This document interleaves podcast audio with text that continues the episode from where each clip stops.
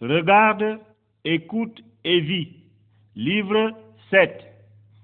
Jésus le Seigneur. Mes amis, est-ce que celui qu'on appelle Jésus est réellement le Fils de Dieu? Celui que Dieu a envoyé? Celui qui peut donner la vie éternelle Les miracles qu'il a faits vous prouveront que c'est la vérité. Image 1. La naissance de Jésus. Jésus est né dans une étable en Israël il y a longtemps. Mais il n'était pas un bébé comme les autres. Il était un bébé très important. Sa mère était vierge. Elle n'avait jamais connu l'homme et s'appelait Marie. Son père est l'unique vrai Dieu. Jésus a toujours existé avant qu'il naisse comme bébé. Il était avec Dieu au commencement. Jésus a créé le monde. Il a donné la vie spirituelle de Dieu au tout premier homme. Pourtant, les hommes ont perdu cette vie spirituelle parce qu'ils ont suivi la voie de Satan et de la mort. Jésus est venu sur terre en chair pour nous faire connaître Dieu et nous montrer comment nous pouvons devenir enfants de Dieu.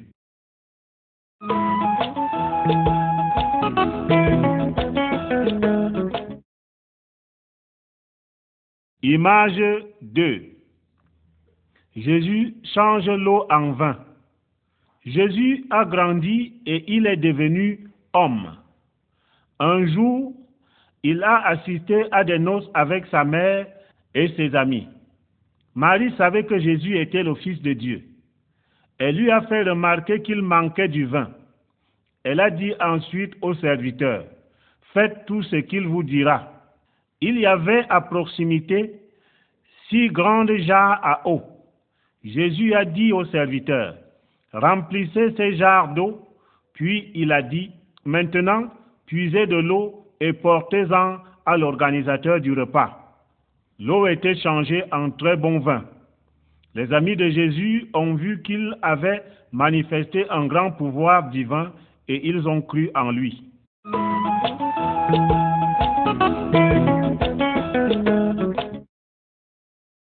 Image 3.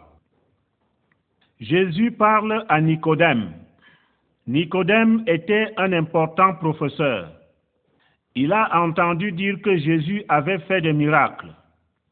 Il savait que Jésus avait été envoyé par Dieu. Donc, pendant la nuit, il est venu s'informer auprès de Jésus pour qu'il lui parle de Dieu. Jésus lui a dit, En vérité, je te le dis, Nul ne peut voir le royaume de Dieu s'il ne naît de nouveau. Nicodème a demandé, Comment un homme peut-il naître lorsqu'il est vieux? Voici ce que Jésus lui a dit. Lorsqu'un bébé naît de sa mère, il est vivant physiquement. C'est pourquoi un homme doit naître de l'Esprit de Dieu pour posséder une vie spirituelle. Quiconque est né de nouveau croit et obéit à Jésus pour une vie spirituelle sans fin. Quiconque ne croit pas en Jésus est voué à la mort éternelle.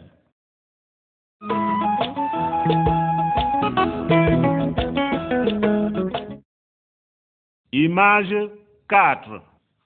Un maître s'agenouille devant Jésus. Que feriez-vous si votre fils était très malade? L'homme représenté sur cette image a marché longtemps pour trouver Jésus. C'est un homme important, mais il a supplié Jésus en disant, Seigneur, viens avant que mon enfant meure. Jésus a répondu, Va, ton fils vivra. L'homme a cru en la parole de Jésus, puis il est retourné chez lui. En chemin, il a rencontré ses serviteurs. Ils lui ont dit que son fils allait mieux. Au moment même où Jésus a dit, Ton fils vivra, l'enfant a été guéri. Cet homme ainsi que toute sa famille ont cru en Jésus, c'est-à-dire qu'ils ont cru que Jésus était envoyé par Dieu.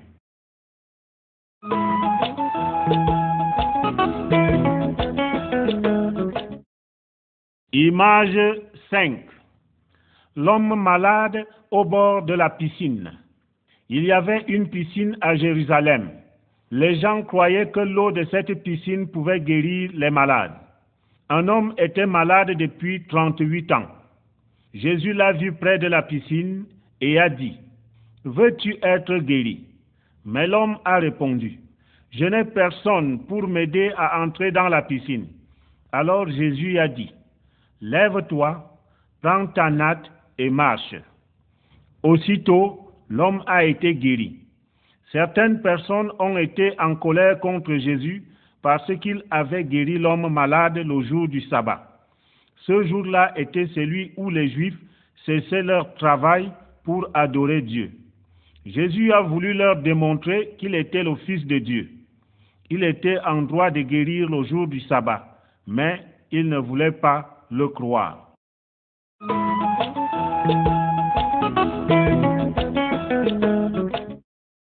Image 6. Jésus nourrit 5000 personnes. Beaucoup de gens avaient entendu dire que Jésus pouvait guérir les malades. C'est pourquoi, un jour, une foule immense l'a suivi dans un endroit retiré. Philippe dit à Jésus, Où allons-nous acheter du pain pour nourrir tous ces gens?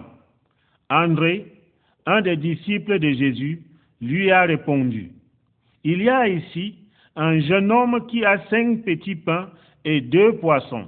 Mais qu'est-ce que cela représente pour un si grand nombre de personnes? Jésus a fait asseoir les gens, il a pris les pains et les poissons. Il a rendu grâce à Dieu, puis a nourri tous ceux qui étaient là avec les pains et les poissons. Il y en avait autant qu'il voulait. Jésus a dit au peuple, ne travaillez pas pour de la nourriture qui périt, mais pour de la nourriture qui subsiste pour la vie éternelle. Moi, je suis le pain de vie. Celui qui vient à moi n'aura jamais faim.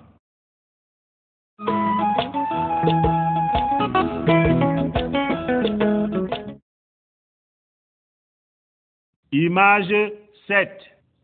Jésus marche sur l'eau. Après que Jésus ait nourri le peuple, il a dit à ses amis de retourner chez eux. Puis, il s'est éloigné pour prier Dieu. Ses amis sont montés dans une barque pour traverser un grand lac. Il faisait sombre et un violent orage est tombé sur le lac. Alors, Jésus est venu vers eux marchant sur l'eau. Les hommes étaient effrayés. Ils ont pensé que Jésus était un esprit. Jésus leur a dit, c'est moi, n'ayez pas peur. Il est monté dans la barque avec eux et l'orage a cessé. Les amis de Jésus ont vu une nouvelle fois que Jésus avait la puissance de Dieu.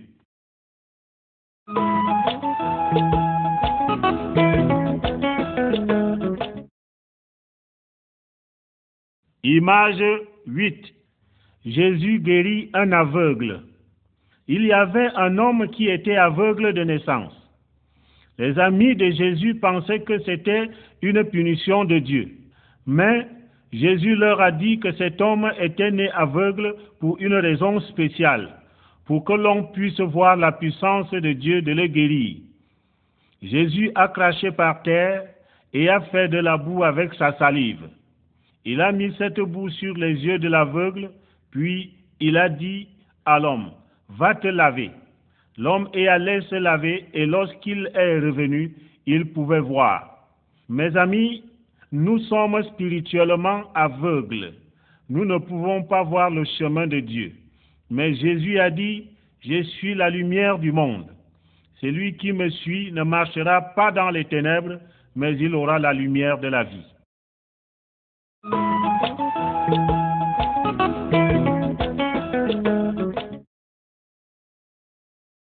Image 9.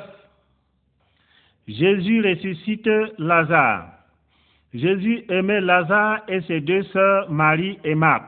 Mais lorsque Lazare est tombé malade, il ne lui a pas rendu visite. Quelques jours plus tard, Jésus a dit à ses amis, Lazare est mort. Je me réjouis de n'avoir pas été là afin que vous croyiez. Mais allons le voir maintenant.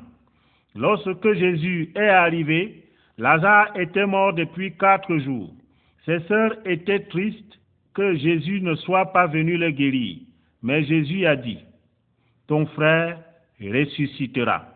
Il a dit aux gens d'ouvrir le tombeau, alors il a appelé Lazare, sors. Et Lazare est sorti encore enveloppé de son linge. Quiconque croit en Jésus vivra éternellement, même si son corps meurt. Croyez-vous cela?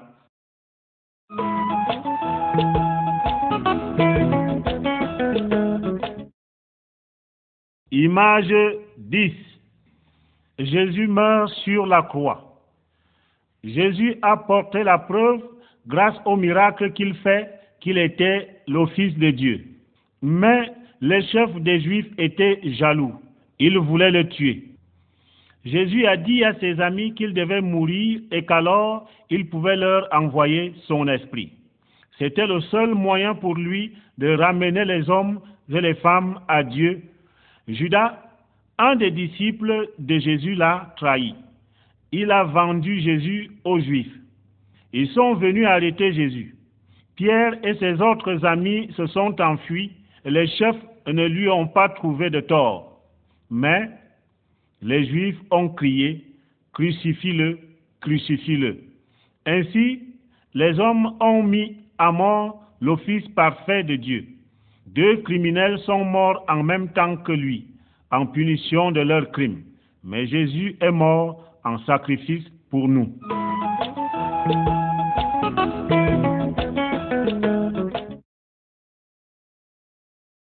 Image 11. Marie et Jésus au tombeau. Le corps mort de Jésus a été mis au tombeau. Une grosse pierre a été roulée devant l'entrée. Le troisième jour, Marie-Madeleine s'est rendue au tombeau. La pierre avait été enlevée et le corps de Jésus avait disparu. Marie a commencé de pleurer. Elle s'est penchée et a regardé dans le tombeau. Deux anges étaient assis à la place du corps de Jésus. Alors Jésus est apparu et a dit à Marie, Qui cherches-tu? Marie a pensé que c'était le jardinier. Elle lui a demandé où se trouvait le corps de Jésus. Alors Jésus lui a dit, Marie, immédiatement, elle a reconnu que c'était Jésus vivant. Il lui a dit, va trouver mes amis et dis-leur que je suis vivant. La mort ne pouvait retenir l'office du Dieu vivant.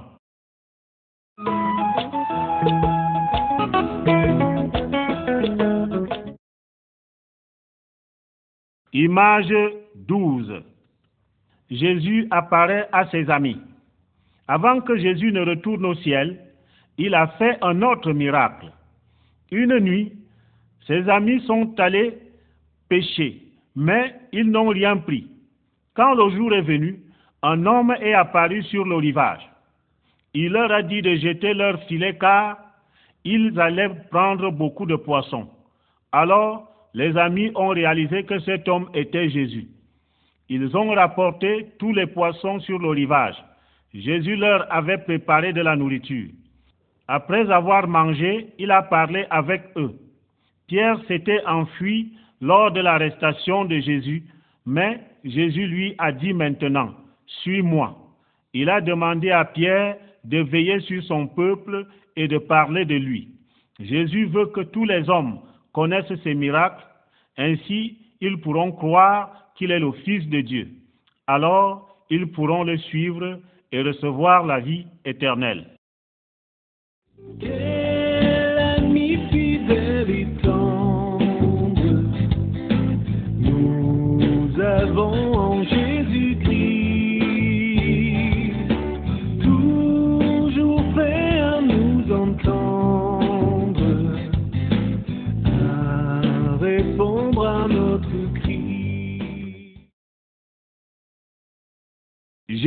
Le Sauveur. Mes amis, en vérité, Jésus est le grand Sauveur, celui qui nous sauve. Il nous sauve du péché et du mal et il nous sauve pour la vie éternelle. Image 13. Jésus enseigne deux amis. Les Juifs espéraient que Jésus les sauverait des cruels Romains qui les dominaient. Mais les dirigeants l'ont fait mourir sur la croix et leur espoir a été déçu.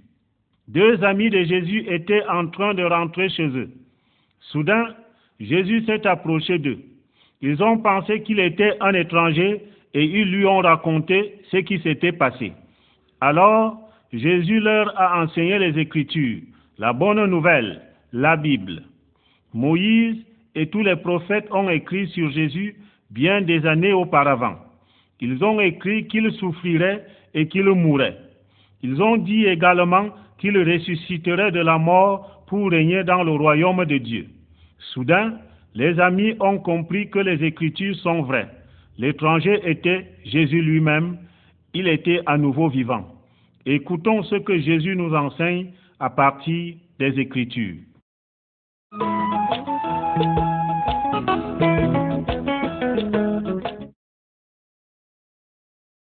Image 14. L'office parmi les cochons.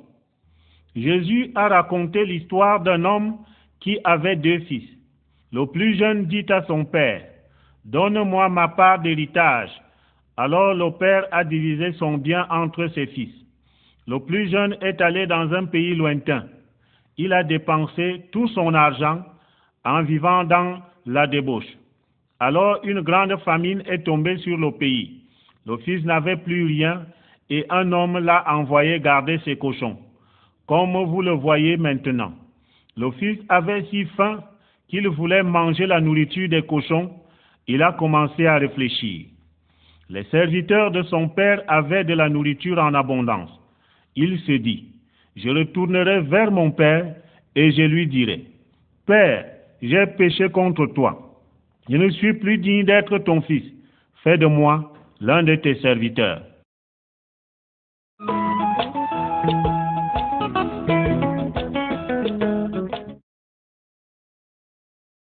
Image 15.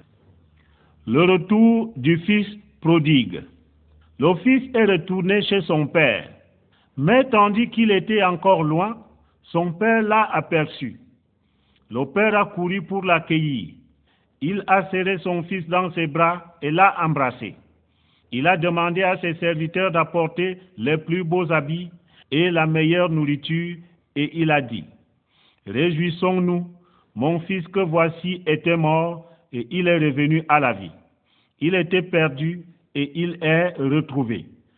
Mes amis, Jésus nous a enseigné que Dieu est semblable à ses pères. Nous sommes semblables au fils qui a péché contre lui et s'en est allé. Mais Dieu nous aime toujours. Il attend notre retour. Il veut toujours pardonner. Jésus est venu pour nous sauver du péché et de la mort il nous montre le chemin du retour vers Dieu le Père.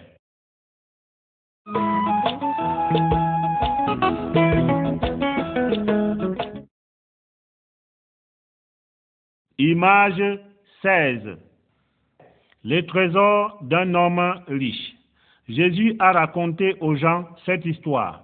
Un homme riche avait de très grandes récoltes.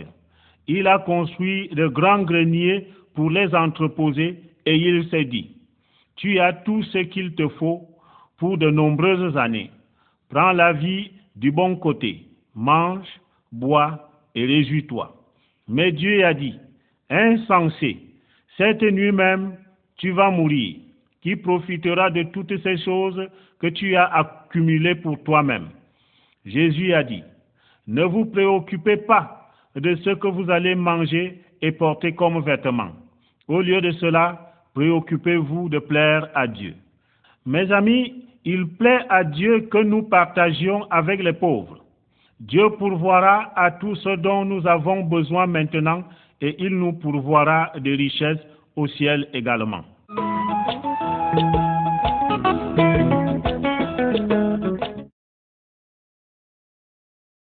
Image 17. Le mendiant et l'homme riche. Jésus a parlé d'un autre riche juif qui avait tout ce qu'il voulait. Il ne se souciait pas du mendiant à sa porte. Le pauvre mendiant est mort. Il est arrivé au ciel dans un endroit merveilleux. Là, Abraham, le grand ancêtre de tous les Juifs, veillait sur lui. Lorsque le riche est mort, il est arrivé dans un endroit de terrible souffrance. Il a demandé à Abraham de lui envoyer le mendiant pour l'aider. Mais Abraham a dit, entre toi et nous se trouve un grand abîme. Nous ne pouvons pas aller du ciel vers vous et vous ne pouvez pas nous rejoindre au ciel. Mes amis, nous devons suivre le chemin de Dieu dans cette vie. Que nous soyons riches ou pauvres, si nous voulons entrer au ciel après la mort. Croyez dans le Seigneur Jésus aujourd'hui et vous serez sauvés.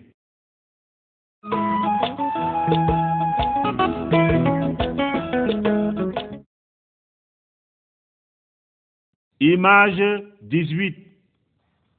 L'ami à la porte.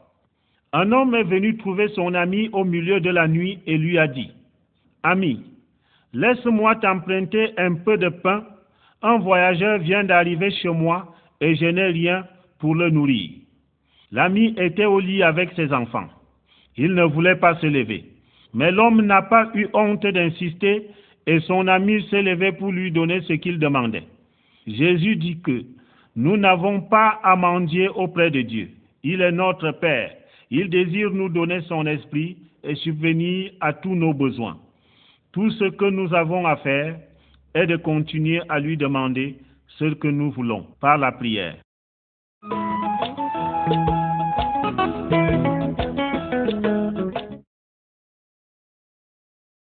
Image 19.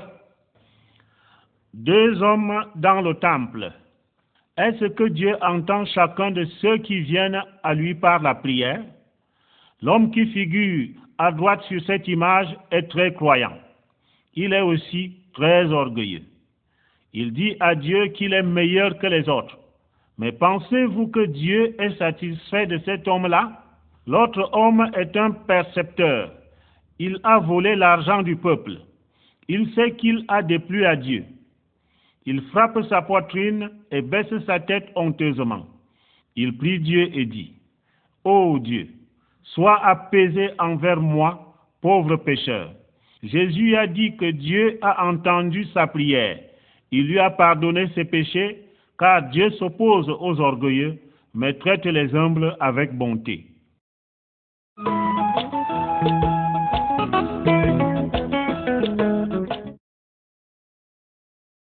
Image 20.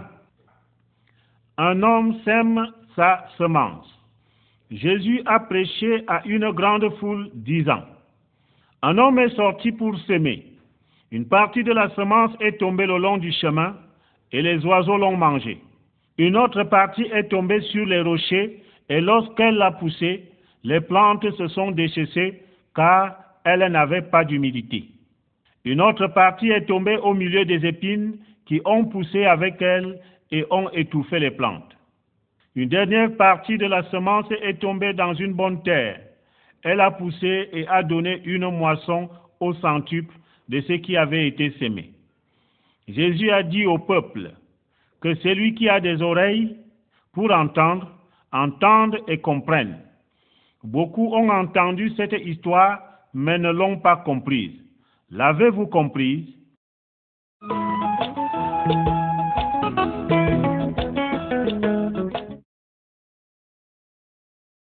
Image 21. La semence grandit. Les amis de Jésus lui ont demandé ce que cette histoire voulait dire et il leur a dit, La semence est la parole de Dieu. Ceux qui sont le long du chemin sont ceux qui entendent. Puis le diable vient et chasse la parole pour qu'ils ne croient pas et ne soient pas sauvés. Ceux qui sont sur le roc reçoivent la parole. Ils y croient quelque temps, mais quand vient l'épreuve, ils se retirent. La semence qui est tombée au milieu des épines est étouffée par les soucis et la richesse. La bonne terre reçoit la parole et donne une bonne récolte. Mes amis, comment entendez-vous et recevez-vous la parole de Dieu? Allez-vous désobéir et vous perdre? Ou bien la croyez-vous et vous appliquerez-vous à plaire à Dieu?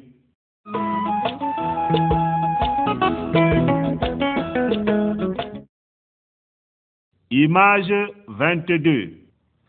Secours à un homme blessé. Les Écritures nous enseignent que nous devons aimer Dieu ainsi que notre prochain. Mais qui est mon prochain que je dois aimer? Jésus a raconté l'histoire d'un homme qui voyageait sur une route déserte. Des bandits l'ont attaqué, ils lui ont volé tout ce qu'il possédait et l'ont laissé pour mort. Deux hommes croyants sont passés sur cette route. Ils ont vu l'homme blessé, mais n'ont pas voulu lui porter secours. Puis est passé un étranger. Il a eu pitié de l'homme et il a soigné ses blessures. Il l'a fait monter sur son propre âne et l'a conduit à la ville pour qu'on s'occupe de lui. Jésus dit que si nous aimons Dieu, nous devons témoigner de l'amour à tous ceux qui en ont besoin.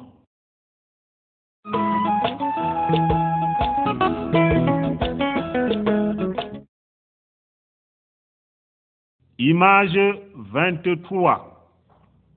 Le maître revient à la maison. Vous souvenez-vous que Jésus est ressuscité après sa mort? Beaucoup de gens l'ont vu avant qu'il monte au ciel. Il leur a dit qu'il reviendrait. Il a dit que nous devrions nous comporter comme des hommes qui attendent le retour de leur maître. Nous ne savons pas quand Jésus va revenir. Nous devons travailler pour lui et être prêts à le recevoir dès qu'il arrivera. Alors, il va préparer un grand festin. Ce sera le temps d'une grande joie.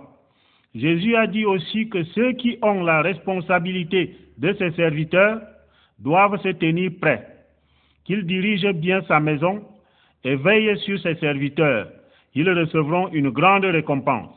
Mais s'ils battent les serviteurs et s'enivrent, leur punition sera très sévère.